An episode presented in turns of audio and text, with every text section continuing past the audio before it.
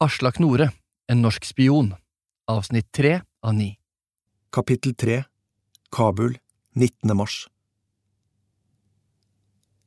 Det gamle russiske kultursenteret i Kabul var reist i tradisjonen for monumentalistisk østblokkarkitektur, men bygningens fasade var gjennomboret av kulehull og bombekratre. På trappen utenfor sto en forhutlet og fillete forsamling og nøt vårsolen. Afghanske junkies. De var mange. En radmager type sto med buksene nede på knærne mens han forsøkte å sette en sprøyte i lysken. En liten gutt med mongolsk hazara-utseende, ti–tolv år kanskje, dultet borti meg for å bomme sigg. Jeg ristet advarende på hodet. Han markerte at han skulle kutte strupen av meg, og her skulle Mirwais være. Innehaveren på stamstedet hans i Kabul City Center hadde advart meg, sagt at han var ute å kjøre igjen, at jeg kunne finne ham her.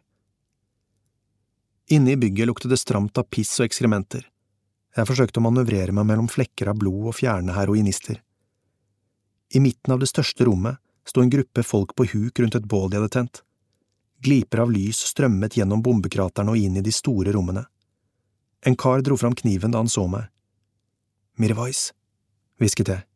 Hvor er han? Den veien, signaliserte han og pekte innover den mørke gangen.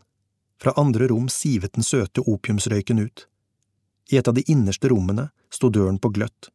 En blek underarm kom til syne gjennom dørsprekken. Deretter en skjelvende hånd som fiklet med en sprøyte. Mannen hadde trukket en blå T-skjorte over en hvit, langarmet genser. På T-skjorten sto det Vålerenga, Oslos stolthet. Mirwais. Jeg sparket sprøyten ut av hånden hans. Tilbake på plata? Sjokk og vantro i øynene hans under rusens apati. Hvem faen er du? spurte han. Det virket som det var første gang på svært lenge han snakket norsk. Ordene stokket seg i munnen hans. Peter Wessel, sa jeg, frilansjournalist. Blikket hans ble sløret igjen. Fuck journalister. Her om dagen var jeg på en kafé i Kabul City Center, da jeg plutselig så en fyr med VIF-trøye. Jeg tenkte damn, og lurte på hvem det var, så jeg spurte eieren, som sa det var en Mirwais som hadde bodd i Oslo. Og da begynte det å demre for meg at den karen hadde jeg møtt før, på nittitallet, at det var selveste Mirwais, alias Mikro, som var ute og gikk rundt i Kabul, Oslos beste tagger, hvor tilfeldig er ikke det? Det første jeg måtte gjøre var å etablere en felles bakgrunn med ham, snakke om Norge. Er du snut, eller? snøvlet Mirwais med et overveldet ansiktsuttrykk. Jeg smilte, ja, jeg reiste til Kabul for å arrestere en tagge for å ha sprayet ned noen T-banevogner for 15 år siden. Hva tror du? Veit da faen jeg, vel, snerret Mirwais. Men hva faen gjør du her da? Dette er ikke noe sted for folk som deg. Ikke for deg heller. Jeg kastet et blikk rundt i rommet. I det ene hjørnet pilte en rotte inn i et hull i veggen. Langs den andre veggen lå de utbrente glørne av et bål. Jeg tenkte, dette er operasjonens første hinder, nå må du overbevise. Kjenner du til Hassan Mazoudi?» Han ristet tomt på hodet. Irakisk kalligraf, bosatt i Paris. Han sperret øynene opp. Sjukt bra, fortsatte jeg engasjert. Han blander gammel islamsk kalligrafi med moderne kunst, blander øst og vest. Da jeg bodde i Libanon, var det noen folk i et hiphop-crew som introduserte meg for kunsten hans. Men Kabel er ikke sånn. Jeg vet. Men Mirwais, jeg skal fortelle deg én ting. Jeg har reist rundt i disse krigsområdene i så mange år nå, hele Midtøsten, Kurdistan, Afghanistan, og jeg ble lei av alle de samme historiene som journalistene forteller, enten om soldatene, eller om noen fundamentalister på en madrassa, eller om noen krigsenker. Da jeg kom til Kabul denne gangen, tenkte jeg faen, nå skal jeg finne noe annet. Ungdom i Kabul er ikke idioter. De digger mye av det samme som folk i Norge, ikke sant? Damer og fotball og Idol. Idol etter Afghan Star her, sa Mirwais og lo. Smilet hans ga meg trygghet. Han likte meg. Og hvem er vel bedre til å fortelle om dagens afghanske ungdom enn deg? Faen, det kunne jo blitt Norges Basquiat eller Banksy. Mener du det, eller? Mirwai smilte. Tanngarden var påfallende ren. Det var lenge siden han hadde fått ros. Alle mennesker er enkle. Vi vil bli sett og anerkjent. Vi vil at andre skal høre på hva vi har å si. Etterretning er bygget på nøyaktig det samme prinsippet. Så jeg tenkte, hva med å gjøre en sak på den gamle taggeren, ja, unnskyld, kunstneren som nå er i Afghanistan? Hva med å snakke litt om gatekunst i Kabul? Men først må vi komme oss ut, så du slipper å råtne bort på dette jævlige stedet. Vet da faen, jeg, sa Mirwais. Det er liksom lenge siden jeg har gjort sånt. Med misbrukerens langsomme bevegelser forsøkte han å samle sammen brukerutstyret jeg akkurat hadde sparket ut av hendene på han. Whisky, kan du fikse det? De små heroinpupillene utvidet seg en anelse. Hvit sprit, holder det? Det kunne jeg fikse. Han satt taus på den flekkede madrassen en stund, så reiste han seg ustøtt og stakk fram hånden. Mirwai Sayed, forresten. Navnet mitt nedstammer direkte fra profeten, fra Kabul og Follo.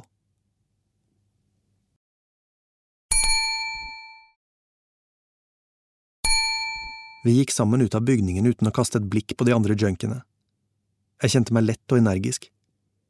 Helt til dette øyeblikket, også da jeg snakket med Reza, hadde jeg lurt på om jeg fremdeles behersket etterretningsspillet. Men det var som å sykle. Du glemmer det aldri. Jeg hadde planlagt å ta ham med til et billig pensjonat i nærheten av Kabul City Center. Der skulle jeg få ham til å snakke. Mirwai satt bak på motorsykkelen. Lobbyen på pensjonatet jeg hadde bestilt til ham, var et pastellfarget monumentalt rom i falsk marmor, med en sterk duft av svette, sigarettrøyk og billig vaskemiddel. Jeg fortalte ham ikke at jeg hadde fikset et rom. Resepsjonisten skulte på Mirwais. No drugs, sa han advarende på engelsk. På et øyeblikk liksom skylte Mirwais av seg misbrukerdraget som hadde hvilt over ansiktet. På sin veltalende dari spurte han om arkitekturen i strøket rundt og noe annet jeg ikke oppfattet. Jeg fikk nøklene og bar sakene opp på rommet. Et enkelt rom, med en hard, bred seng og et skittent bad med et avløp midt i rommet. Iransk arak, stønnet Mirwais, tydeligvis tilbake i abstinensens verden. De lager den ikke av anis, som ellers, men av rosiner. Jeg dro fram en halvflaske billig vodka fra Usbekistan og kastet den over i fanget hans. Han satte den til munnen og drakk en tredjedel av flasken i tre store slurker. Deretter sank han sammen på sengepleddet. Vi har noe å snakke om, sa jeg. Billig russisk vodka, ropte han på norsk. Ingenting er som det. Russerne skulle aldri forlatt dette fittelandet her. Da var det orden, veiene ble asfaltert og skoler bygd. Før de helvetes krigsherrene, som Dostum, som Hekmatyar, som faren min, og de hjernevaskede pakkisene i Taliban. Jeg lot ham rable fra seg mens han tente en sigarett samtidig som jeg pønsket på hvordan jeg skulle vri samtalen over på smugling før han sluknet. Vi mimret videre om gamle dager, før jeg ledet samtalen inn på narkoøkonomien i Afghanistan. Jeg spurte litt om økonomien til de afghanske bøndene som dyrket stoffet, og Mirwais gav en klar redegjørelse for hvordan økonomien i virksomheten var lagt opp, hvor mye mer de tjente på å dyrke opium enn legale varer. Og penga går til Taliban, det vet alle, og narkobaroner som kontrollerer handelen, Derfor skjønner alle tenkende mennesker at det ikke er så jævlig smart å spraye åkrene til noen bønder i Helmand for å ødelegge avlingene. Hva skal de leve av da, hæ? Dagen etter legger de ut veibomber mot soldatene, skjønner du, eller? Interessant med disse narkobaronene, sa jeg, så viktig i Afghanistan, og så lite vestlige folk vet om dem. Har du vært i Sherpur? Ikke langt fra Shavinav og Wazir Akbar, der de vestlige bor? Alle husene er nymalt og dyre som faen. Hvor tror du de pengene kommer fra? Ikke bare bistand, skal jeg fortelle deg. Trade not aid, sa jeg. Alle narkobaronene og krigsherrene bor der. Kunne vært kult å intervjue noen av dem. Det virker som om du kjenner mange folk her nede. Kjenner du noen av dem, Mirwais? Han forandret ansiktsuttrykk i løpet av et tiendedels sekund, og betraktet meg med en blanding av mistro og frykt. Hvorfor skulle jeg kjenne noen av dem? Jeg vet ikke, jeg, vel fordi du kjøper varene deres, jeg bare lurer. Det er fullt mulig å intervjue narkobaroner om du bare har de rette folkene til å fikse intervjuet for deg. Ring Pressistan, de har mange fiksere, sa Mirwais. Er for faen ikke noen fikser, jeg er kunstner, eh? Og narkoman, mest det siste for tiden. Han lå på sengen og glippet med øynene. La oss gjøre en deal nå. Du sover ut rusen her, den regningen tar jeg. Vi snakker mer om hvordan saken om deg kan bli i morgen mot at du setter meg i kontakt med noen av narkobaronene. Jeg må levere saker og gjøre journalistikk. Kjenner du noen? Kjenner kanskje en, sa han. Han så opp på meg med de slørete øynene sine. Men ingenting er sikkert, bortsett fra én ting. De folka skal du ikke kødde med. Da hugger de huet av deg, uten å legge ut filmen på YouTube. Det er så jævlig Al Qaida anno 2004, liksom. Baren under Gannemak Lodge ga meg følelsen av å befinne meg i en saloon i det ville vesten. Lokalet var lavt under taket, og de skjeggete og uflidde mennene i sine safarifargete klær og militærboots utstrålte den livstrøtte kynismen til expats som har oppholdt seg for lenge i lite gjestmilde grenseområder. For å komme dit måtte man først gjennom de to slusene som skilte eiendommen fra gaten. I stedet for å gå inn på hotellet, gikk man inn en lav kjellerdør. Jeg hadde avtalt å møte Kåre, kjente meg bakfull og svimmel etter turen på kultursenteret. Mirwais måtte sove ut. Kåre sto pal ved bardisken. Skål, for faen, sa han. Gikk det bra med han afghaneren i dag, eller? Mirwais, temmelig ute, fant han på det russiske kultursenteret. Å bli kidnappa av mulla Omars folk er å foretrekke framfor å tilbringe tiden der. Men har en følelse av han kommer til å snakke, han må snakke. Og du? Ingen spor etter Hashem. Det er problemet til Digres planer, at de er nettopp det, skrivebordsplaner. Digre er bra, han, gjort mye bra, tviler ikke jeg, men han er ikke som oss, han er militær, vi er sivile, men det er fint å være tilbake i Kabul. Enig, men Emma er selvfølgelig dritsur, sa jeg. Snakker om at jeg har brutt løfter, at vi skulle flytte sammen. Det har hun helt rett i, men hun kan ikke konkurrere med oppdraget. Fins bare én måte å løse de greiene der på, Peter. Du må si det som det er. At dette er det du liker best å gjøre, at dette er livet ditt. Hun er i andre rekke når du er i felt. Det er bare én ting damer liker mindre enn å høre sannheten, det er å ikke høre den. Hvis Emma virkelig elsker deg, kommer hun til å godta det. Kåre rev av etiketten på den grønne flasken. Eller du kan få deg en unge. Da forandrer det seg. Meningen med livet, perspektivet, men for guds skyld, ikke gjør det.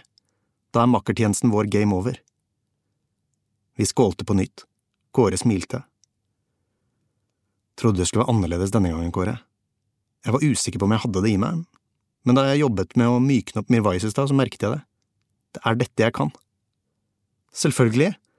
Alt handler om hva som foregår oppi knotten. Han pekte mot tinningen. En skihopper som faller ned på kuren år etter at han vant toppuka, en fotballspiller som ikke tør å gå hardt inn i taklingen etter en skade. Det handler om hva som skjer oppe i toppen. Skjønner du det, er alt like enkelt som før. Jeg misunte Kåre den holdningen. Men Peter, jeg ser at greiene med høvdingen plager deg fremdeles. Kutt ut, Kåre. Jeg viftet ham vekk. Høvdingen var min makker, det var jeg som kjente ham best. Om noen skulle være hevngjerrig etter det som skjedde, er det meg. Ikke glem at jeg nesten ble tatt ut selv. Jeg gjør ikke det, men det er et år siden, Peter. Du kan ikke bruke livet ditt på å gruble over det, du må gå videre. Han er død, du overlevde, sånn er livet. Vi andre fikk tatt farvel under begravelsen, du var på sykehus. Det var derfor jeg tok dem etter gravlunden i går. Legg dette bak deg, kompis. Vi skal finne våpnene til de jævla ayatollahene. Riktig? Får ikke drapet på Reza til å stemme helt. At iranerne snikmyrder folk i Dubai. Har vært få sånne tilfeller der før og etter israelerne. Emiren er tydelig på at han ikke tillater spionkrig i sin by, ikke noe kødd der. I det samme kom en ny gruppe inn i lokalet. Jeg så med en gang at dette var andre typer. Ansiktene var mildere og mer barnlige enn kontraktørene og leiesoldatenes. FN-folk, kanskje noen fra humanitære organisasjoner. De stilte seg ved peisen i det ene hjørnet av lokalet. Praten gikk på engelsk med mild tysk aksent. Expat-barer var gode lytteposter, men det kom lite spennende fra tyskerne. Vi var på vei til å si takk for oss da en ny mann svingte inn døren. Tyskerne løftet umiddelbart flasken og ropte på ham. Chris, how are you? Hvordan går det? Fyren gikk mot dem, og jeg kjente en eim av hårvoks etter ham. En slik type som ble solgt i blå og røde bokser, og avga en umiskjennelig dunst av piña colada. Han hadde et smalt, barnslig ansikt, og var tynn på den utrente måten menn rundt 30 kan være, med smale skuldre og brede hofter. Har vært på tjenestereise, sa han. Kåre og jeg så på hverandre. Aksenten var distinkt norsk, med dype vokaler. Kom i går. Fra Dubai, mener du? lo den ene tyskeren. Den angivelige nordmannen virket med ett ukomfortabel. Hva mener du? Den der, lo tyskeren og pekte på en rød genser med polomerke malt utover brystet. Aldri sett deg med den før, man får ikke kjøpt pologenser her i byen, og jeg kjøpte en sånn selv i forrige uke, i Dubai. Tilbud på Mall of Emirates. Kåre og jeg snudde oss mot hverandre i baren. Nordmann som hadde vært i Dubai, som ikke ville snakke om det. Du burde hatt en annen jobb, du som er så god til å huske detaljer, sa mannen de kalte Chris, og fortsatte helt uten snert. Men jeg er underlagt taushetsplikt. Unnskylder dere meg et øyeblikk? Jeg må på nett. Han satte seg innerst i det katakombelignende lokalet og dro opp Mac-en. Kåre og jeg fulgte ham fra øyekroken. Han virket stressa, satt og hamret på tastaturet før han plutselig reiste seg igjen og gikk bort til baren. Han her er det noe med, hvisket jeg til Kåre. Read my mind. Borte i baren forsøkte Chris å få betjeningens oppmerksomhet, men bartenderen hadde nok med å mekke en runde GT til tyskerne. Det er noe galt med nettilkoblingen. Han lente seg utålmodig over disken. Bartenderen trakk likegyldig på skuldrene. Jeg fikk en idé. Jeg tror han trenger hjelp, hvisket jeg til Kåre, og du skal snakke med ham. Excuse me, buddy, ropte jeg gjennom rommet med en bred amerikansk aksent. Jeg kan kanskje hjelpe deg med problemene dine? Mannen trakk på skuldrene og gikk tilbake til sofagruppen der Mac-en sto. Vi fulgte etter. Selv om ansiktet ikke tydet på overvekt, hadde han en slags formløs, tynntjukk kroppsholdning. Jeg mislikte ham umiddelbart, den brekete stemmen hans og det overbærende blikket han ga meg. Afghanistan is a shithole, fortsatte han. Ingenting fungerer, ikke engang wifi på steder der internasjonale samfunn befinner seg. Som om det er landets største problem, tenkte jeg. La meg se. Jeg løftet maskinen over i fanget mitt. Han sto bøyd over meg. Det luktet hårvoks. Røyken lå tung over bordene. Jeg så på Kåre. Vi måtte distrahere ham. Se på det bildet her! Kåre snakket engelsk med sørstatsaksent. Han lente seg over bordet og viste fram et bilde av en østasiatisk kvinne på iPhonen. Sist jeg var i Kabul, var hun her byens mest ettertraktede eskortepike. Hvor hadde Kåre det bildet fra? Det spilte ingen rolle. Han dultet kameratslig borti fyren. Afghanerdamene har jo kyskhetsbelte i stål under burkaen. Vet du noen bra steder å få seg noe her i denne gudsforlatte drittbyen? Omgang med prostituerte medfører umiddelbar eh, repatriering i min jobb, sa mannen. Men han hadde reist seg og lent seg over skulderen til Kåre. Jeg kjenner dere expats, lo Kåre, når kjerringa er langt borte og… Mens Kåre pratet, forsøkte jeg å få oversikt over dokumentene på desktoppen, kastet raske blikk i retning Kåre og den fremmede. På desktoppen fant jeg bare et par Word-dokumenter, Ida og Christian bryllupstale, selvangivelse. Mannen var definitivt norsk. Kåre oppholdt ham med stadig nye bilder og historier. Han hadde ikke forstått at vi var norske. Jeg klikket på airport-ikonet på øverste verktøylinje. Et lite vindu kalt Nettverk kom opp midt på skjermen. Hvis fyren virkelig hadde noe å skjule, var dette et godt sted å sjekke. Nettlogger er stort sett meningsløse, interessante filer er ofte låst. Sir, jeg ser gjerne at du ikke åpner mine dokumenter, sa mannen og så på meg. Jeg snudde skjermen, så den lyste blått mot det bleke ansiktet hans. Leter etter andre nettverk, sa jeg. Hadde samme problemet for noen dager siden. Ganamak har flere tilkoblinger. En, to, tre. Jeg prøver dem. Ok? Jeg satte maskinen på fanget igjen, mens jeg pustet så rolig jeg kunne. Han hadde ikke fattet mistanke. Jeg trykket på avansert. Det var en funksjon der man kunne finne alle trådløse nettverk maskinen hadde vært koblet til. Kåre rablet i vei om damer og fyll.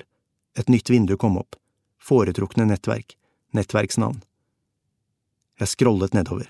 Det var mange nettverk. Et moderne menneskes digitale fotavtrykk. De vanlige, D-Link, Telenor, NextGentel DF, kafeer i Oslo, Lorry, College Café, Håndverkeren, Flybussen, NSB Interaktiv. Mange steder med allmenne navn som ikke sa meg noe som helst. Café Blanc, Bar Dublin, Grand Hotel. Er du snart ferdig? sa mannen utålmodig, nesten fiendtlig. Har du vært i Dubai? ropte Kåre. Det er noen ukrainske horer der som er så jævlig heite. Nei, nå gidder jeg ikke dette lenger, sa mannen og tok et skritt mot meg. Jeg scrollet nettverkslisten videre. Serena Hotel, Norwegian Embassy, Rotana Dubai. Håndflatene var så klamme at de gled av tastaturet. Jeg lukket skjermvinduet. Mannen løftet laptopen ut av hendene på meg.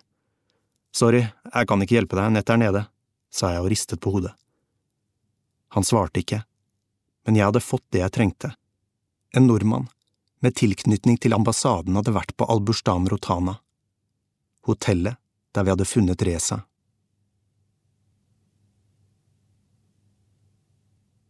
Kapittel 4 Kabul 20. til 21. mars Jeg våknet tidlig neste dag. I dag måtte jeg oppnå resultater med Mirwais.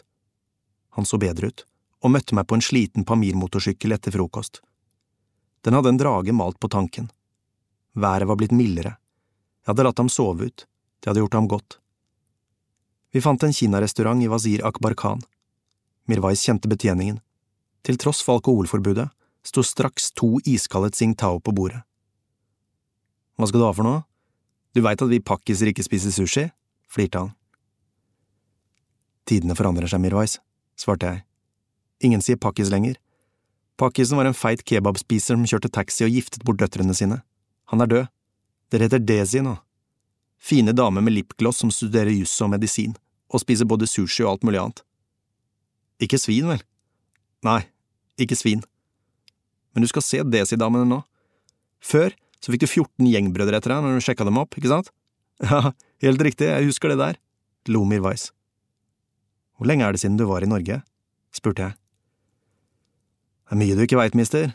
Hvor lenge siden det er, skal vi se. Ikke siden 2006. Vi ble returnert. Tvangsreturnert. Skjønner du? Mirwais slo ut med armene. Var du en av dem? Det hadde ikke Digre sagt noe om. Om jeg var. Det var masse støttegreier i Oslo for oss den sommeren. Teltleir og konserter. Big Bang. Hva het den låten igjen? Mirwais begynte å synge med en nokså hjelpeløs stemme mens han pekte på meg. Can I talk to the prettiest girl in Oslo? Oh, is that you? Nei, nei, nei, sa jeg og merket at jeg rødmet. Men tror du politikerne brydde seg om hva noen langåra rockere eller blits mener? Rett ut ble vi sendt. Nei, det er det samme overalt. Når du drar rundt i Kabul og resten av byen her, kommer du til å møte kule og oppegående folk som snakker engelsk og er interessert i rock og damer og fest og verden rundt seg. Men tror du dem er flertallet? Nei, flertallet er en gjeng ignorante bønder som er redde for utlendinger og for at landet deres skal bli inntatt av fremmede. Det er samme i Norge, syns du ikke, mister? Flertallet hater pakkiser og stemmer Hagen, ikke sant? Ja, ikke flertallet, flirte jeg, og Hagen har gått av. Siv Jensen er leder nå. Hun, ja. Er ikke hun ganske fin? Jeg smilte. Jeg skjønner at du har vært lenge borte. Faen, det er mye jeg ikke veit. Hadde nesten glemt hvordan man snakket norsk før du kom. Nei, norsken din er topp, sa jeg. Litt rusten kanskje, men det går bra. Faen, Irvais, du er jo et funn. Har du vært fikser før? Nei, hvordan det? Skjønner ikke at noen ikke har rekruttert deg før, mann. Du kjenner jo Kabul bedre enn jeg kjenner Oslo. Mirwais kjenner hele Kabul. Han gjentok setningen for seg selv og smilte. Jeg lente meg over bordet. Mirwais, hør etter.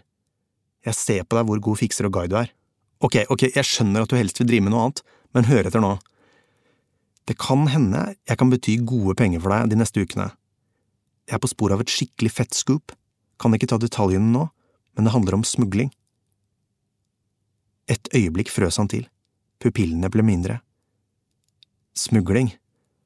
Jeg vet da faen, jeg sa jeg ikke at de folka ikke er til å kødde med, ikke akkurat taggere fra Oslo, skjønner du? Jeg overhørte reservasjonen hans. Vet du noe om det? Hør etter, Peter. Han virket fremdeles ukomfortabel når han snakket om det, på samme måte som folk som er i ferd med å fortelle en hemmelighet de ikke burde. Men det var første gang han hadde brukt navnet mitt, et godt tegn. Jeg veit kanskje mer om den smuglinga enn jeg fortalte deg, dette sier jeg til deg som en kompis. Kan jeg stole på deg? Bra. Og uansett hvem du er, spiller det ingen rolle, for jeg kjenner ingen folk som Vesten er opptatt av, ingen terrorister, bare noen kjeltringer Hør nå. Jeg har ikke så jævlig mye å drive med her i Kabul, derfor ender jeg alltid med stoff, fordi Kabul suger. Om du kan fikse meg noen kontakter til å komme herfra, til Libanon, whatever, til Norge, jeg gjør hva som helst. Slapp av, Mirwais, sa jeg og dunket ham i ryggen. Ikke så blodseriøs nå, vi er kompiser, er vi ikke det? Vi skålte. Saken er at jeg var blakk som faen for et par måneder siden, hadde brukt opp alt, absolutt alt. Så fikk jeg tilbud om å gjøre en jobb. Gjøre en jobb. Smugle, sa han og stirret i duken. Opium. Det er dritlett om du har de rette folka med deg, risikabelt om du blir tatt, men lett. Dop som dyrkes i Helmand, det fraktes rett til Iran gjennom ørkenen eller gjennom Farah og videre nordover. Jeg kjenner en fyr som driver med det, frakter stoffet ut av Afghanistan og inn i Iran. Han er stor i den bransjen, og han er smart som faen. Hva heter han? Omar Beg sa Mirwais lavt. Touchdown, tenkte jeg. Tror du det er eh, mulig å snakke med ham? Han holder lav profil, men kanskje likevel, om han kan ha noe å vinne på det. Hva skulle det være? Du er journalisten, Mr. Peter, jeg vet ikke. men dop og politikk er nært knyttet sammen i Afghanistan. Han kan bruke det til å stikke noen rivaler i magen, kanskje. Heter det stikke i magen, forresten? Dolke i ryggen. Dessuten er han forbanna på Iran, de er overalt i vest, du vet. Han liker ikke at de bruker rutene til å smugle våpen andre veien, inn i Afghanistan, fordi det truer businessen. Dop gir Vesten faen i, men ikke våpen. Da kommer droner og soldater. Det liker ikke Begg. Han driter i politikk, vil bare tjene penger. Opplysningene var mer enn jeg hadde drømt om. Jeg anstrengte meg for å skjule hvor oppspilt jeg var. En plan, tindrende klar som en fjellbekk, var i ferd med å ta form i hodet mitt. Jeg skulle bruke Iran mot Omar Beg. Men først måtte vi snakke med ham. Tar du regningen? spurte Mirwais. Hvor er Omar Beg? Han skal være i byen. Ifølge min kontakt er han på et galleri nord i byen. Jeg vet hvor det er. Solen skinte over Kabul. Det hadde klarnet opp. Opplysningene til Mirwais hadde forbedret humøret mitt enda noen hakk. På veien ut av restauranten mistet Mirwais mobilen sin i bakken. Han bannet og sparket i murveggen. Helvete, mister Peter, se på den jævla mobilen, bare trøbbel med den uansett, nå er displayet helt knust.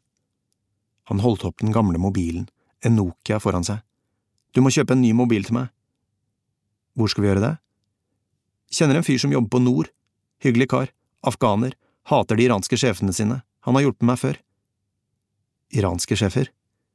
Det er iranerne som driver Nord. Vi afghanere får aldri til noe business.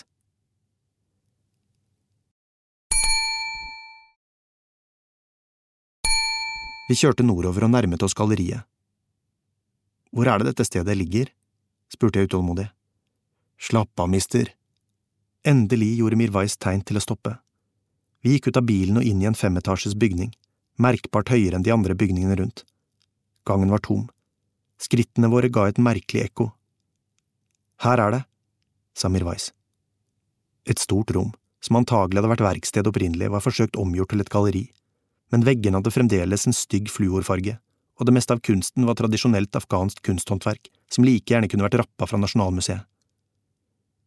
Mirwais så mitt betenkte ansikt og unnskyldte seg. Ja, jeg vet, dette er ikke Beirut eller Dubai akkurat, ingenting i forhold til det, Kabul er en jævla provinsby. En iransk kunstkurator jeg traff i Dubai, fortalte meg at eh, Mustafa Hachem var mannen å snakke med i Kabul, kunst- og teppehandler. Det var en ren løgn fra min side, men snøret var kastet, jeg ville se om Mirwais kjente til ham. Navnet høres ikke iransk eller afghansk ut. Nei, han er libaneser, men har jobbet lenge i området. Mirwais ristet på hodet. Aldri hørt om. Jeg gikk inn i et nytt rom. En tynn og fillete afghansk unggutt med et tomt blikk kom mot meg. Mirwai spurte til Beg. Gutten stakk fram hånden for å tigge, jeg viftet ham vekk. På den ene veggen hang noen persiske kalligrafiske trykk. Jeg forsøkte å lese hva som sto der. Det handlet om Imam Hussein, martyren som ble drept i slaget om Karbala. Ved siden av hang noen andre trykk på farsi. Jeg stavet meg gjennom inskripsjonen. Så forsto jeg hva det handlet om. Det var en beskrivelse av Raksh, hingsten til den store Rostam i Mishanameh. Jeg hadde en gang sett et maleri av Raksh, som nedkjempet en løve. Jeg husket fargen på hingstens pels, rødglødende, roseblader som er strødd utover safranmarkene. Hvor er Omar Beg? gjentok Mirwais. Afghaneren i galleriet så ned. Han dro for ikke så lenge siden, sa ikke hvor han skulle. Faen, tenkte jeg. Forresten har vi ikke snakket om mine kunstprosjekter, sa Mirwais da vi sto i trappen. Fin utsikt på taket, skal vi dele en liten joint? Jeg hadde ikke noe annet valg enn å takke ja til tilbudet. Utsynet fra taket var storslått, været var blitt bedre. De høye bygningene fra sentrum lå innhyllet i dis, Fjellene var alpehvite og omkranset oss på alle kanter. Ikke langt unna hørte vi larmen fra fly som tok av. I synsfeltet rett fram stirret vi mot åskammen bak flyplassen. Jeg var i dårlig humør. Alt hadde gått etter boka, likevel hadde jeg ingenting konkret å melde tilbake.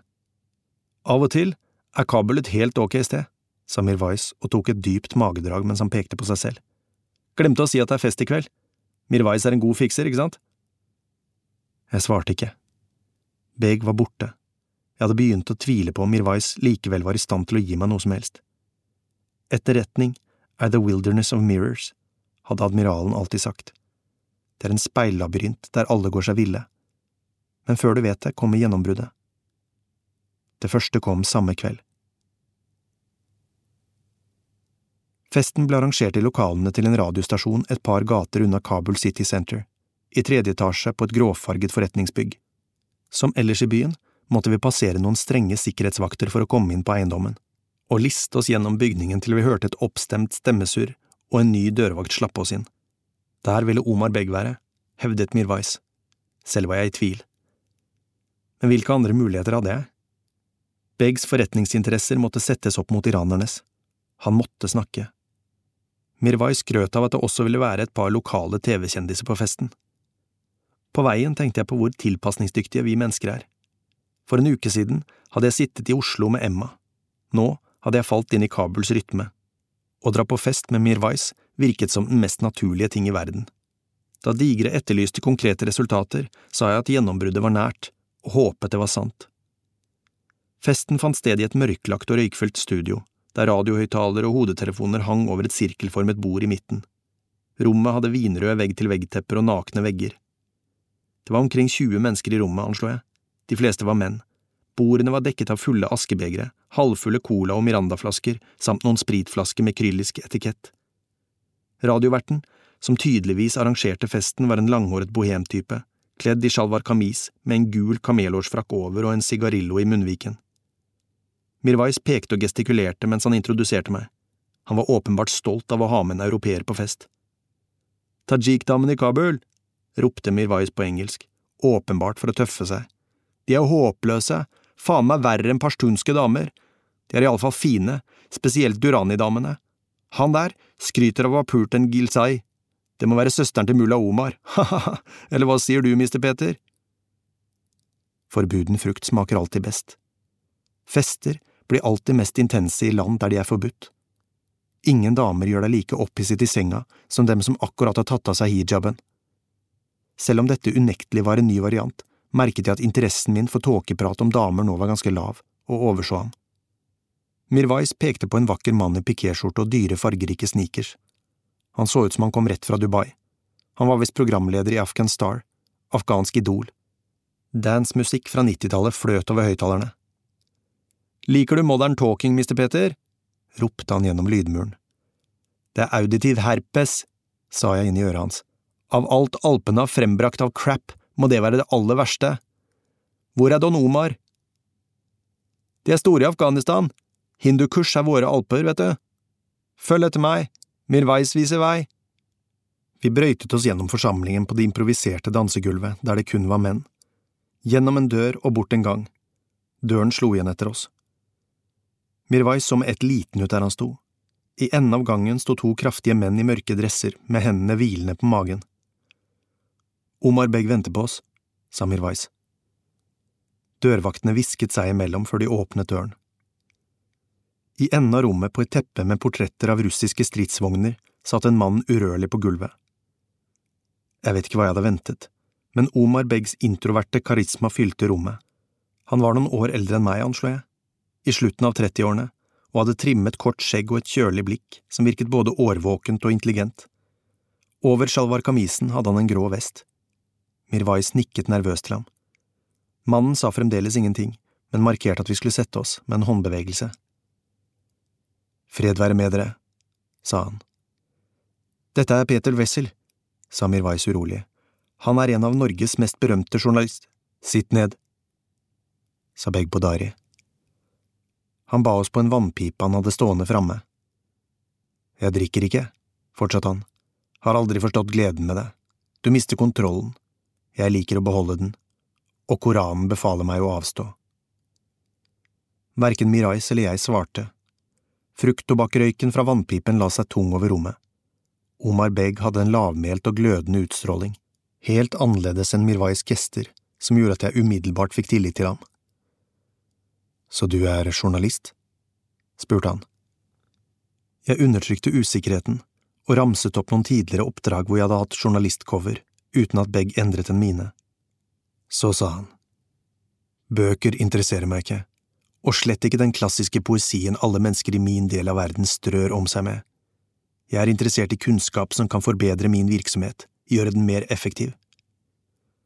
Du refererte til Koranen i sted, sa jeg forsiktig for å teste ham. Det er ingen bok, men Guds ord. Når jeg er på reise, drar jeg ofte innom bokhandelen i Dubai Mall. Den har en utmerket businessavdeling. Der finnes bøker etter min smak. Som du vet, holder våre universiteter et uakseptabelt lavt nivå. Derfor betrakter jeg denne litteraturen som en del av et selvstudium.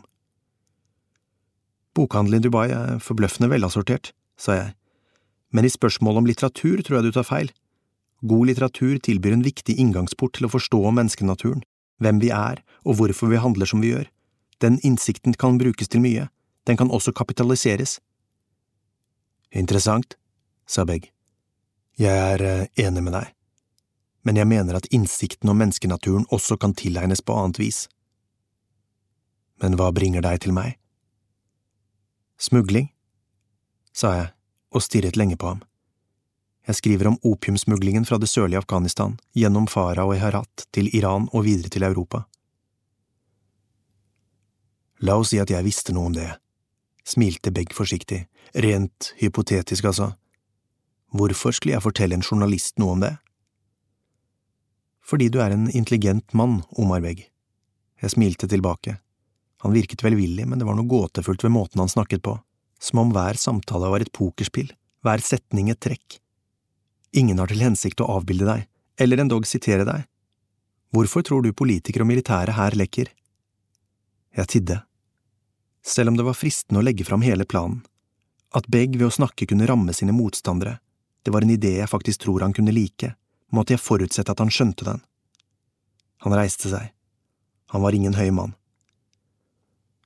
Så du eh, ønsker å gjøre en handel, er det sånn å forstå? Du vet like godt som meg hvilke prioriteringer vestlige sikkerhetsstyrker har i Afghanistan. Narkotikaeksport ut er langt nede, Våpenimport inn er høyt oppe. Sånn er det for mediene jeg arbeider for også. De er interessert i historier om iransk våpensmugling. Jeg nippet til den bitre teen og smilte. Beg satt taus i noe som fortonte seg som flere minutter, gransket utsmykkingen på glasset sitt og stirret på Mirwais, som meg. Til slutt brøt han opp i et bredt smil. Hvorfor sa du ikke det med en gang? Mirwais pustet lettet ut ved siden av meg. Jeg hater Iran fortsatte Beg uanfektet. Alle som vil eksponere iranernes løgner og dobbeltmoral, er mine venner. De kjøper seg innflytelse i politikken og næringslivet i min hjemby Herat. De blander seg inn i våre affærer. De finansierer Hazara-folket i Shindan-distriktet der, så de skal kjøpe opp eiendom og land. De er shiaer, og shiaer gifter seg hver dag. Mirwai slo litt for høyt av sjiavitsen hans. Jeg har hørt at iranerne smugler våpen eh, nærmere bestemt et parti missiler over grensen disse dagene. De skal oppbevares i Herat. Jeg vil at du fører meg til dem. Omar Beg ventet lenge med å svare. Øynene hans var grønne som fluor. Dørvaktene sto urørlige ved døren. Han hadde meg, og visste det. Jeg har ingen grunn til å stole på deg, sa Beg. Men dersom du kommer til min by, kan saken være annerledes. Da viser du at du er en mann av ditt ord, at du mener alvor med din plan. Jeg vil være der fra i morgen. Du er velkommen til å kontakte meg der. For selv dersom dine antagelser om at våpentransporter går gjennom min delstat skulle være korrekte, ser virkeligheten annerledes ut på nært hold. Herat er i disse dager en farlig by. Under overflaten ulmer det. Oppviglere fra våre naboland har ankommet byen, de misbruker vårt folks velbegrunnede raseri mot de internasjonale styrkene til å spre sitt hat. Han lukket øynene. Det kan komme til å brenne i Herat. Han gjorde mine til at audiensen var over. Vi ses der, hilste jeg. Hvis Allah vil. Morgenen etter pakket jeg sakene mine på Gandamak og dro til flyplassen sammen med Mirwais men vinteren hadde kommet tilbake, og det lave skydekket gjorde flyplassen overfylt av folk som ikke kom seg av gårde. Alle fly var innstilte. Det betydde en tapt arbeidsdag. Missilene ville komme nærmere grensen. Mirwais virket å ta kanselleringen med godt humør. Jeg hadde aldri sluttet å la meg forbløffe over hvor tålmodige folk i et land som Afghanistan var. Selv etter mange timers venting var det ingen utålmodighet i folkenes ansikter. Etter å ha konferert med Mirwais og noen ansatte på flyplassen, bestemte vi oss for å prøve igjen neste dag. Vi ville miste en dag. Den kunne bli avgjørende. Jeg bannet lavt, men det var ingenting vi kunne gjøre. På kvelden skulle det holdes mottagelse i den norske ambassaden. Jeg bestemte meg for å dra. Det ville gi meg en sjanse til å finne ut mer om nordmannen vi hadde møtt på Gandamak. Ambassaden var dessuten et egnet sted for å snoke litt rundt Fredskanalen. Utsettelsen ga meg også en mulighet til å ringe Emma. Hun hadde sendt et par nokså knappe meldinger. Jeg grudde meg, men hadde ikke noe valg. Jeg kjørte fort til Serena hotell, hvor jeg passerte et par bommer og sandsekkstillinger bemannet av apatiske utseende afghanske soldater i den støvete gaten før inngangen. De stirret hardt i min retning, forbløffet over at en vestlig mann kom gående i retning hotellet, men løftet ikke våpnene. Hotellets innganger var forsterket med sikkerhetsvakter, nye bommer og en dobbel sluse der bagasjen ble gjennomlyst og gjestene ransaket. Jeg kom endelig inn på plassen foran inngangen til det caffè latte-fargede bygget som huset lobbyen, omkranset av terrakottakrukker med grønne planter og en fontene i midten. Forholdet til Emma var en ligning som ikke gikk opp. For å utføre arbeidet måtte jeg gjennom en metamorfose som ikke lot seg forene med et moderne samliv. Du blir hva du gjør. Jeg ble en annen når jeg var ute, for om du anvender ditt tradisjonelle moralske univers et sted som Afghanistan, går du til grunne. Og Emma skjønte selvsagt dette, at jeg måtte velge. Derfor hadde hun bedt meg slutte. Raskt gikk jeg gjennom lobbyen og de orientalske søylegangene, hilste på et par lurvete korrespondenttyper jeg hadde sett på Gandamak, til jeg fant et rolig bord i en av kafeene. Bestilte high afternoon tea og logget meg på nett. Emma var pålogget og svarte på Skype-oppringingen på tredje anrop. Hun tente en sigarett og blåste røyken demonstrativt inn i kameraet. Gjennom røyken skimtet jeg ansiktet hennes, men uttrykket glapp for meg. Jeg fikk ikke tak i hva ansiktet viste, eller hva det skjulte. Jobben går bra her nede, sa jeg. Jobben? Det er en jobb, sa jeg, og så ned. Vi gjør det vi skal gjøre, så kommer vi hjem, verre er det ikke. Jeg vet ikke hva du vil at jeg skal si. Hadde jeg kunnet, ville jeg kommet hjem som avtalt. Det oppsto en pause. Emma sa ikke noe. Hvordan eh, er det i Norge? Du er ikke interessert i det? Noe i Emmas toneleie forandret seg. Du vet hvordan jeg kommer til å se ut hvis du blir drept?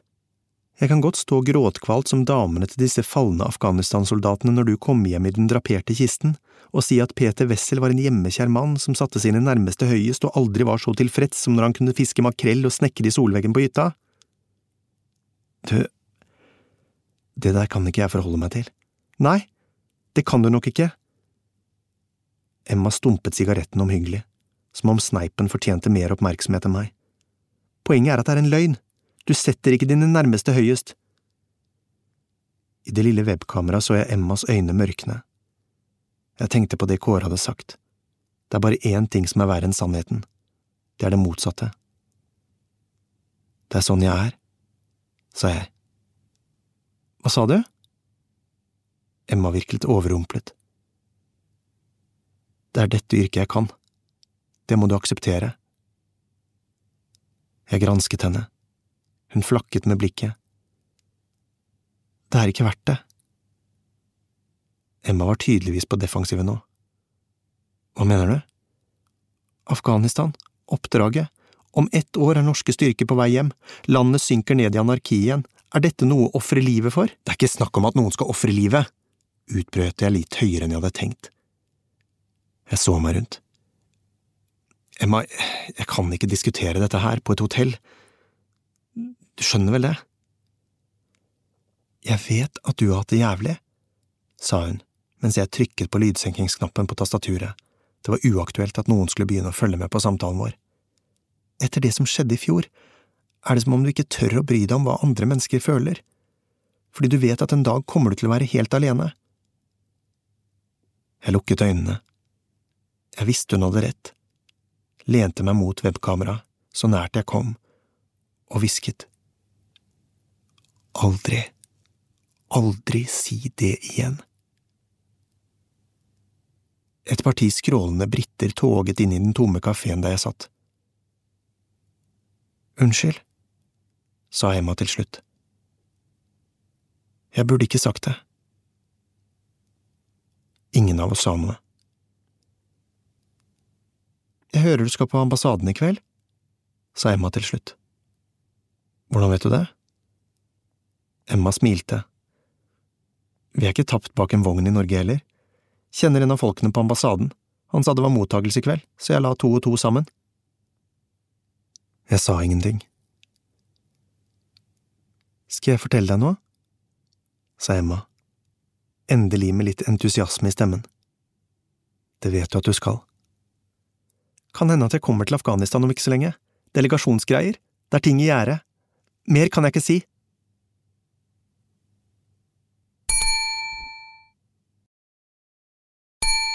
Kapittel 5 Kabul 21. mars Mottagelsen begynte presis klokken 18 i den norske ambassadørens residens.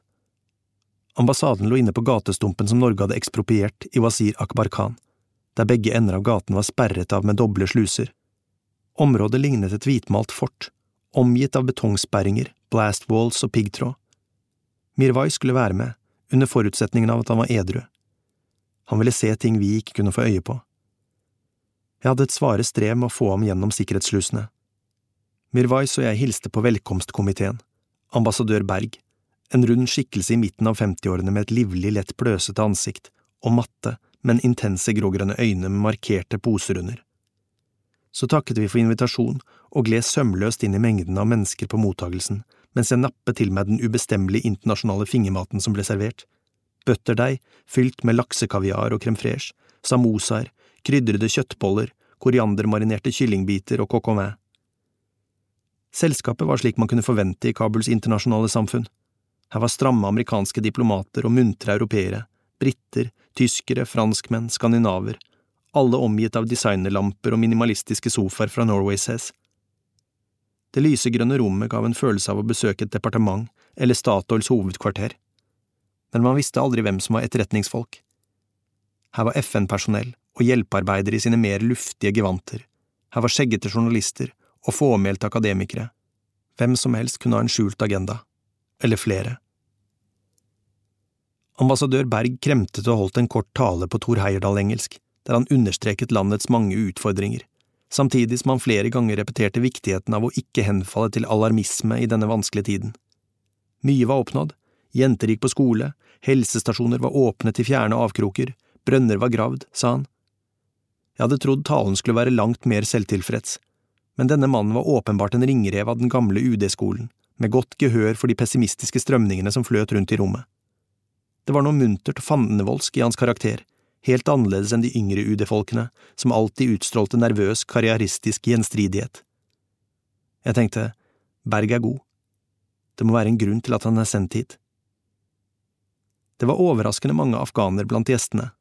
Det kunne virke som ambassaden forsøkte å gjøre gjengjeld for det bunkerslignende, avsondrede dagliglivet de levde, for her var stammehøvdinger i tradisjonelle klær og høyerestående offiserer i stramme uniformer, politisjefer og religiøse autoriteter, her var banksjefer og kulturpersonligheter, og kvinnelige parlamentarikere med sine fargerike sjal trukket bak så håret kom til syne. Mirwais hadde naturligvis et mer sofistikert blikk for afghanerne enn meg selv, og hvisket hvem som var hvem, hvilken folkegruppe og stamme de kom fra, eller hvilken gren av mujahedin-motstandskampene de hadde tilhørt. Der var sønnen til Pir Sayed Gailani, hvisket han fra en ærverdig pashtunsk familie, tett på Karzai. Der var broren til Arshaf Ghani og en rekke andre navn jeg ikke festet meg ved. Det var som om Emma eller en annen Ap-politiker skulle geleidet meg rundt i de sosialdemokratiske maktkorridorene, bare ytterligere komplisert av en etnisk og stammemessig tilhørighet som for meg var usynlig. Og han der? Lavt sa Mirwais.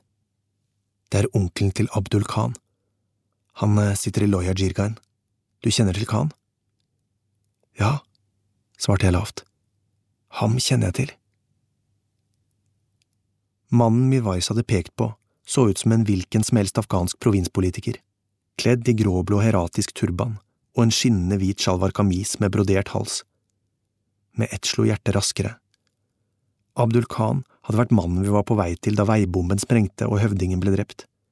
Ifølge ryktene var han nå involvert i den norske fredskanalen.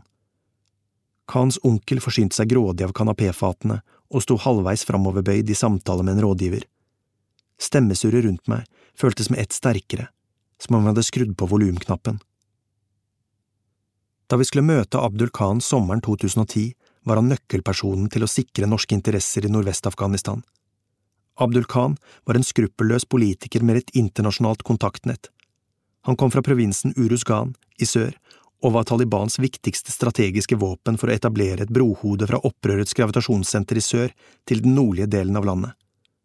I Faryab-provinsen, der nordmennene hadde ansvaret, fantes en rekke pashtunske enklaver som ble neglisjert av de lokale provinsmyndighetene. Der kunne opprørerne rekruttere. Jeg gikk videre gjennom forsamlingen. I det ene hjørnet sto en mann i norsk uniform. Av distinksjonene framgikk det at han var major. Han søkte blikket mitt. Har ikke jeg sett deg før? sa han på nordnorsk. Det furete ansiktet med dypsittende øyne, en spiss nese og en liten munn som fikk ham til å ligne en rev, sprakk opp i et forsiktig smil. Han hadde infanteristens ujålete framtoning, helt ulik de andre nordmennene som var her. Jeg mistenkte at han kjente få på mottagelsen. Jeg tenkte på Forsvaret, fortsatte han. MJK, kanskje? Major Husby her? Ja, jeg var i MJK en gang. Jeg presenterte meg. Majoren var tydelig ukomfortabel i den sivile ambassadesettingen. Men eh, det er mange år siden jeg var i Forsvaret. Jobber som journalist. Det var noe kjent med deg. Hva skriver du om? spurte majoren. Mye forskjellig, men jeg jobber med en sak om iransk innflytelse i Afghanistan. Har du et visittkort? Det kan hende jeg kan fortelle deg noe om disse sakene og annet ved en senere anledning. Off the record. Unnskyld, svarte jeg. Jeg forsto ikke helt hva du mente. Se rundt deg. Hva handler oppdraget i Afghanistan om? Om å kunne vise våre allierte at vi har et visst antall soldater i landet. Tror du Hillary Clinton og de andre vet noe mer enn det? Det er det ene. Vårt andre mål er å ikke miste folk. I fjor var forsvarssjefen i Faryab, han sa det rett ut, vårt viktigste mål er å ikke ta egne tap. Kan du tenke deg hva yrkesmilitæret tenker om det? Det viktigste er altså ikke å nedkjempe Taliban eller sikre Afghanistan så det kommer innbyggerne til gode. Nei, det er å sikre at ingen norske liv går tapt, så opinionen i Norge er fornøyde. Der har du fredsnasjonen Norge. Han pekte i retning ambassadøren. Jeg skrev ned mobilnummeret på en lapp og gikk videre. I trengselen ved utgangen fant jeg Ivana. I det skarpe taklyset kunne jeg se skulderbladene hennes tydelig. Hadde hun gått ned i vekt? Nei, hun hadde alltid vært slank. Jeg tok meg å undres over hvordan hun ville se ut bakfra om hun kneppet opp kjolen og lot den falle lydløst til gulvet. Hun snakket med en mann jeg hadde sett før. Det var Chris, fra Gandamak. På sekundet åtte var mottagelsen over. De yngre diplomatene strømmet ned i Manhattan Bar, et trangt kjellerlokale med en bardisk full av importøl og et markant elghode på veggen. Mirwais tok kvelden, men jeg fulgte etter. Jeg fant Ivana i mengden, når vi sto sammen, passet vi på at kroppsspråket signaliserte at vi var fremmede. Jeg tenker fremdeles på Dubai, sa hun lavt. Det er noe med Reza, hvorfor han ble drept, som vi ikke skjønner.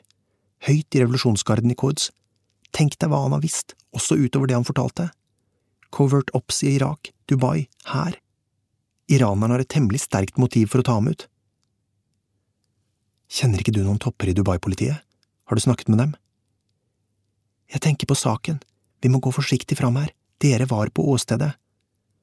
Vi unngikk eh, kameraene, sa jeg, og viktigere, vi drepte ham ikke. Reza hadde vært død en god stund da jeg så ham. Det vil komme fram av undersøkelsene. Politiet i Dubai er proffe, men jeg tror etterforskningen kan lede oss nærmere. Kåre kom bort, ga meg et klaps på skulderen og håndhilste høflig på Ivana.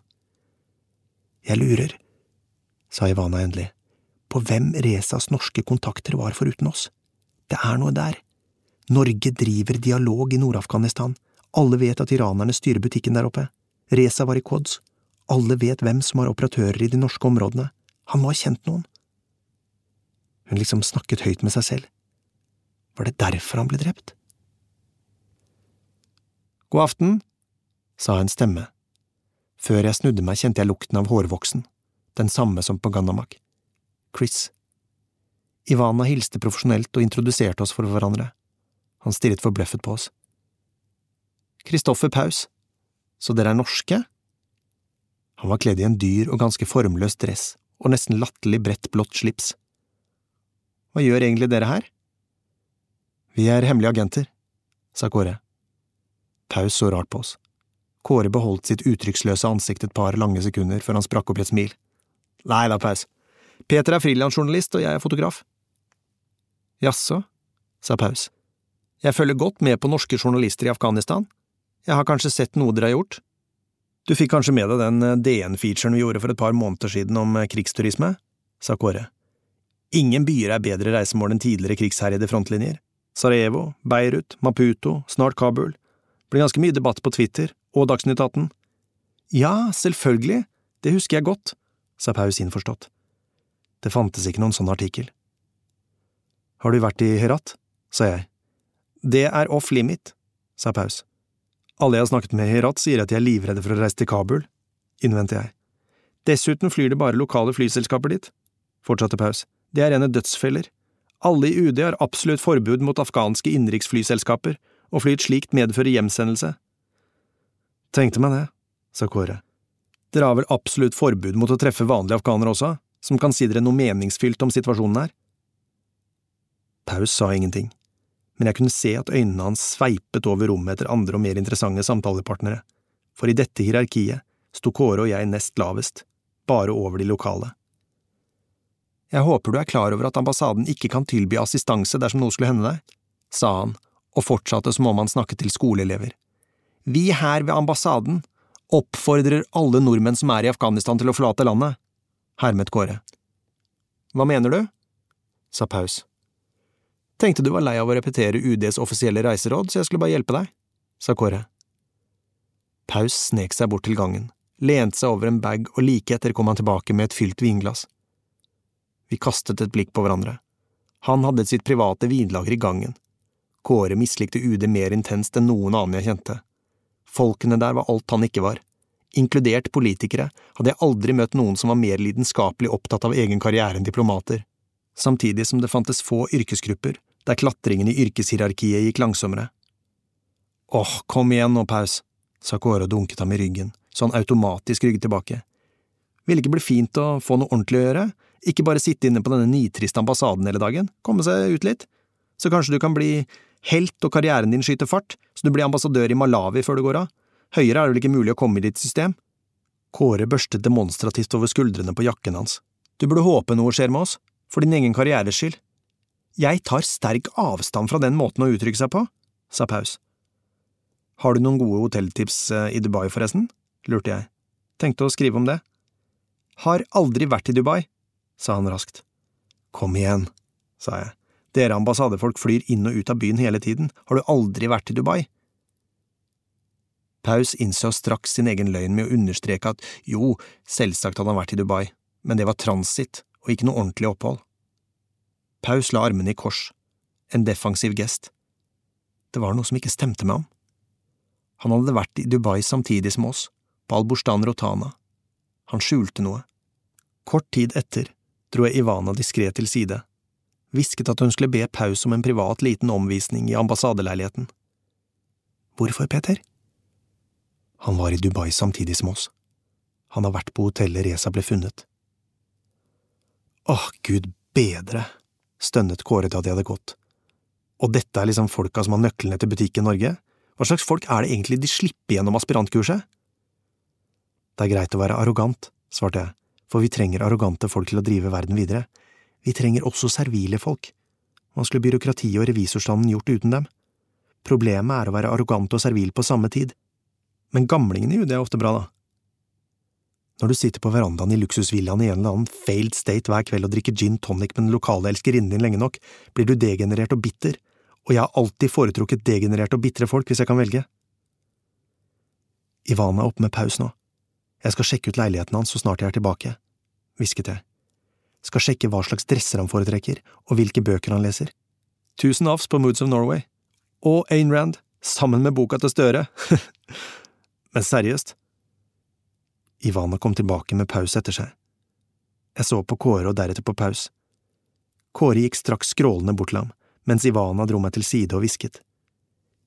En vakt på fremsiden, stor terrasse på baksiden, som vender mot en hage omgitt av murer, venstre vindu er på gløtt, Mac-en står framme på stuebordet. Når du går opp herfra, tar du til venstre ut døren, leiligheten hans skal ligge to hager bortenfor, vær forsiktig. Og Peter, å være på et hotell gjør ham ikke medskyldig i drap.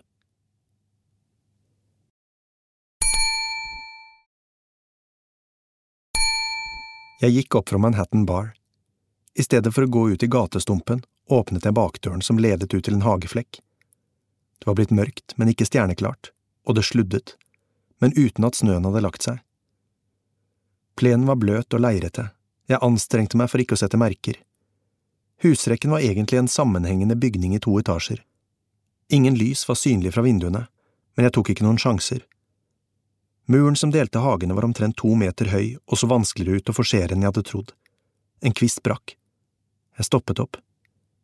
Ingen andre lyder enn trafikkens fjerne larm kunne høres.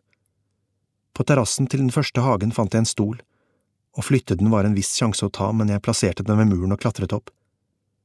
Etter å ha passert neste mur snek jeg meg over mot terrassen. Vinduene dekket hele etasjen. Jeg kikket inn i den mørklagte leiligheten. Den var upersonlig og sparsomt møblert.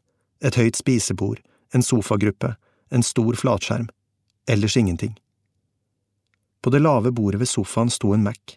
Eplemerket lyste svakt i mørket. Det borteste vinduet var lukket. Faen. Ivana måtte ha ment til venstre, sett innenfra. Jeg gikk dit. Vinduet åpnet seg. Jeg så meg tilbake. Skoene hadde satt merker i plankene. Jeg visket dem ut og tok av skoene, så svingte jeg meg inn. Gjennom sokkene kjente jeg det kalde gulvet. Jeg brukte mobiltelefonen som lommelykt og passerte et høyt spisebord, kikket inn på et ryddig soverom med en oppredd seng, lot blikket gli over bokhyllen, gikk videre inn på kjøkkenet. Noen poser fra supermarkedet Finest sto oppstilt på kjøkkenbenken.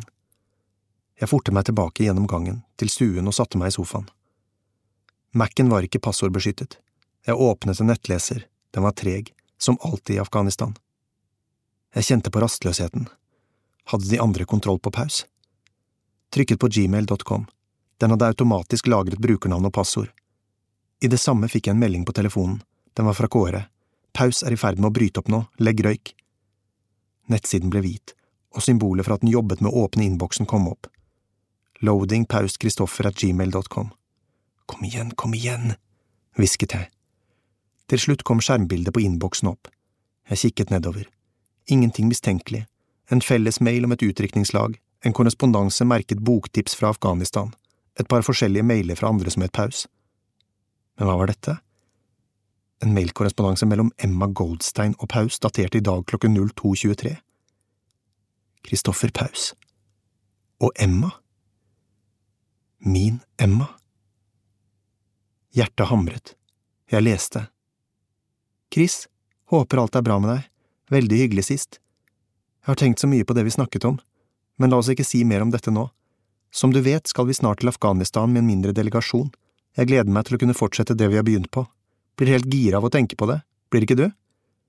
Jeg burde sikkert tatt dette gjennom mer offisielle kanaler, men hva er det eksakte tidspunktet for turen? Gleder meg til å se deg. Emma. Jeg kjente meg uvel. En plutselig kvalme paralyserte meg. Hva var det egentlig hun skrev? Jeg så rundt meg. Et øyeblikk fikk jeg lyst til å vente på Paus og spørre hva han egentlig holdt på med. Emma hadde fått raskt svar av Paus, som skrev Hei, Emma. Godt å høre fra deg, og godt du fremdeles kan holde på hemmeligheter. Jeg kan egentlig ikke si noe om de datoene, det vet du, men siden jeg ikke kan motstå vakre kvinner, kan jeg røpe såpass at vi planlegger et større treff i ambassaden den tolvte. Akkurat når dere kommer, vet jeg faktisk ikke, men dere reiser tilbake neste morgen. Ligg lavt om dette. Se. Da jeg så mitt eget ansikt i gjenskinnet fra skjermen, merket jeg at munnen min var åpen. 13. april. Grouse-missilene. Norske interesser. Det var så altfor tydelig. En ny melding fra Kåre tikket inn. P gikk nå, kjapp deg. Bildene av skrekkscenarioene blandet seg med bildene av Emma og Paus. Det var et mareritt som ikke lot seg skille. Jeg hørte skritt på trappen, og i samme øyeblikk et lavt pling fra maskinen, et chatteikon som dukket opp nederst til høyre på skjermen. En person skrev en melding til Kristoffer Paus i dette øyeblikk. 10.16 pm, Emma Goldstein. Hei, Chris, smilefjes. Jeg hørte noen sette nøkkelen i låsen og vri om. I samme øyeblikk presset jeg startknappen på maskinen ned, og den sto slik i fem sekunder til maskinen endelig sluknet. Da lysene i stuen ble slått på, hadde jeg akkurat lukket vinduet etter meg.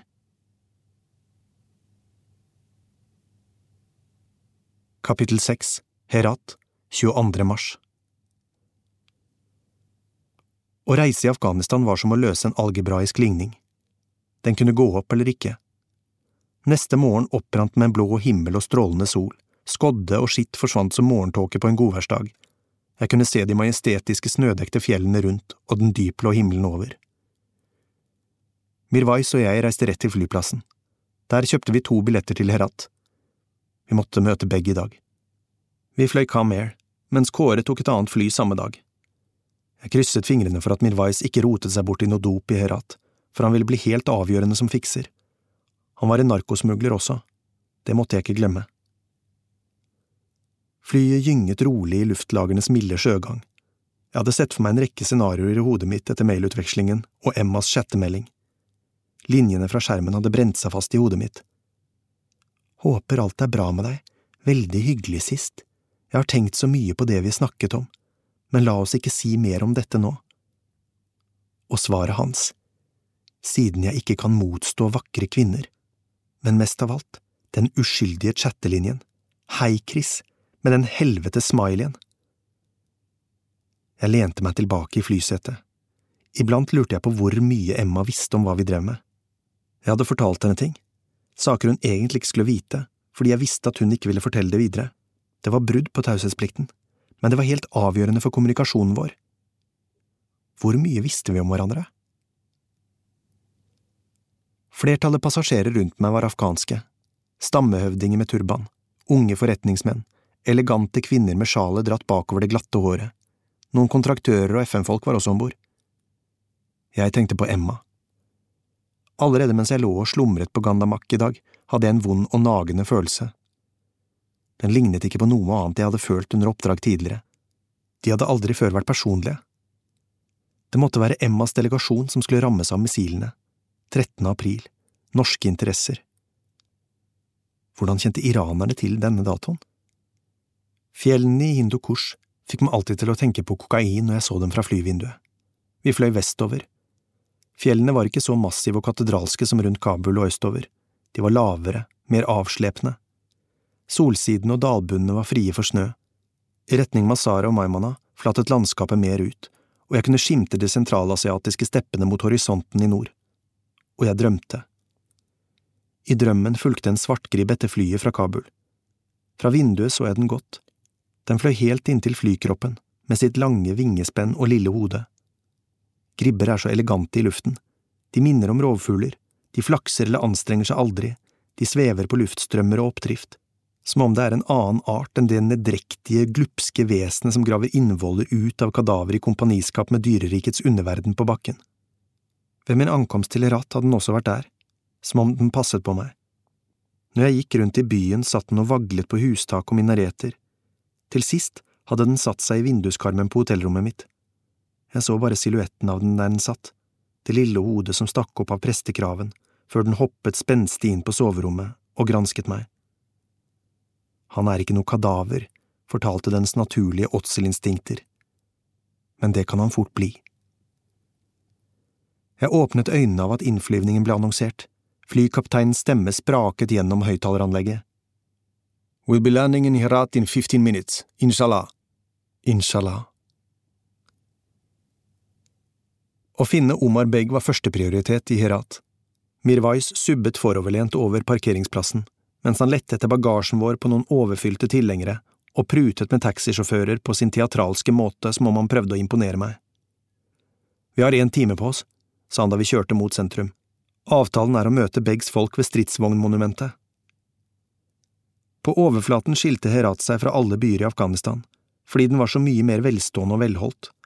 Veien inn til sentrum var nylig asfaltert og omkranset av vakre pinjetrær. Luften var ren og klar. Bilparken var bedre. Det kunne virke som fartsgrenser og trafikklys ble overholdt. Etter nullfør i Kabul virket de 15 gradene som norsk forsommer. Burkaer som man få av. Kvinnene vandret for det meste rundt i mørke iranske sjadorer. Heldekkende drakter uten ansiktsslør, og de mer fargerike variantene som sunnikvinnene brukte. Men Herat var også et sted der konspirasjonene var like langt fra overflaten som en gjedde i sivet. Byen kokte over av rykter. De vanlige ryktene handlet om pakistanske selvmordsbombere som gjorde seg klare til aksjoner. Det var vanskeligere å være vestlig her enn i Kabul. Jeg stakk meg mer ut. Vi sjekket inn på hotell Nazari, rett ved hovedgaten, slengte fra oss bagasjen og gikk ned til fredagsmoskeen, som lå noen kvartaler fra stedet vi skulle møte Begs folk. Fredagsmoskeen lå opplyst i solen, og de asurblå østvendte minaretene fikk en særegen glans av lyset, som gjorde de ornamenterte mønstrene enda dypere, liksom mer klangfulle. Noen menn gikk til bønnestedet. Vi gikk videre gjennom basargatene øst i sentrum, der byens kristne og jødiske befolkning en gang hadde bodd. Over gaten lå en eim av spisskummen og vannpipetobakk. Menn satt på huk utenfor bodene. Det vanskeligste for en utlending som vil blande seg inn i mengden i Afghanistan, er ikke utseendet. Mange afghanere er forbausende lyse. Det er kroppsholdningen. Med min målrettede gange kjente jeg meg mer vestlig enn i Kabul. Den afghanske gangen var vanskelig å lære selv for afghanere oppvokst i Vesten. Jeg var kledd i en luftig sjalvar kamis, for i motsetning til i Kabuls mer moderne deler gikk alle her slik kledd. Vi passerte det ørkenfargede sitadellet som våkte over byen. I en undergang stoppet vi og spiste pistasjenøtter og drakk en rask kopp te. Folkene samlet seg rundt oss. Ansiktene var vennligere her enn mange andre steder. Vær kul mot sånne folk, sa Mirwais. Han virket i bedre humør etter å ha styrtet noen glass av den søte teen. Var jeg ikke? Jo da, Peter, du var bra. Saken er bare at skulle det skje deg noe, skulle det virkelig begynne å brenne her i byen, er det ikke amerikanerne eller ISAF som kommer til å redde deg. Det er folk som dem som kommer til å gjøre det. Iskremselgere, handelsfolk i basaren, ungdommene på gata. Husk det, min venn. Takk, Mirwais, jeg skal huske det. Stridsvognmonumentet lå noen kvartaler sør for Fredagsmoskeen, i en rundkjøring som markerte inngangen til den fattige delen av Herat. Det var her mujahedin hadde nedkjempet den første russiske stridsvognen etter invasjonen. Statuer av afghanske krigere med høygafler og kjepper omkranset stridsvognen. Ser du, mister Peter? pekte Mirwais. Vi banka russerne. Vi fant en sjarkana som vendte ut mot rundkjøringen. En fetladen middelaldrende mann med mørk hud og redde øyne viste oss til et bord. Ser du de folkene der?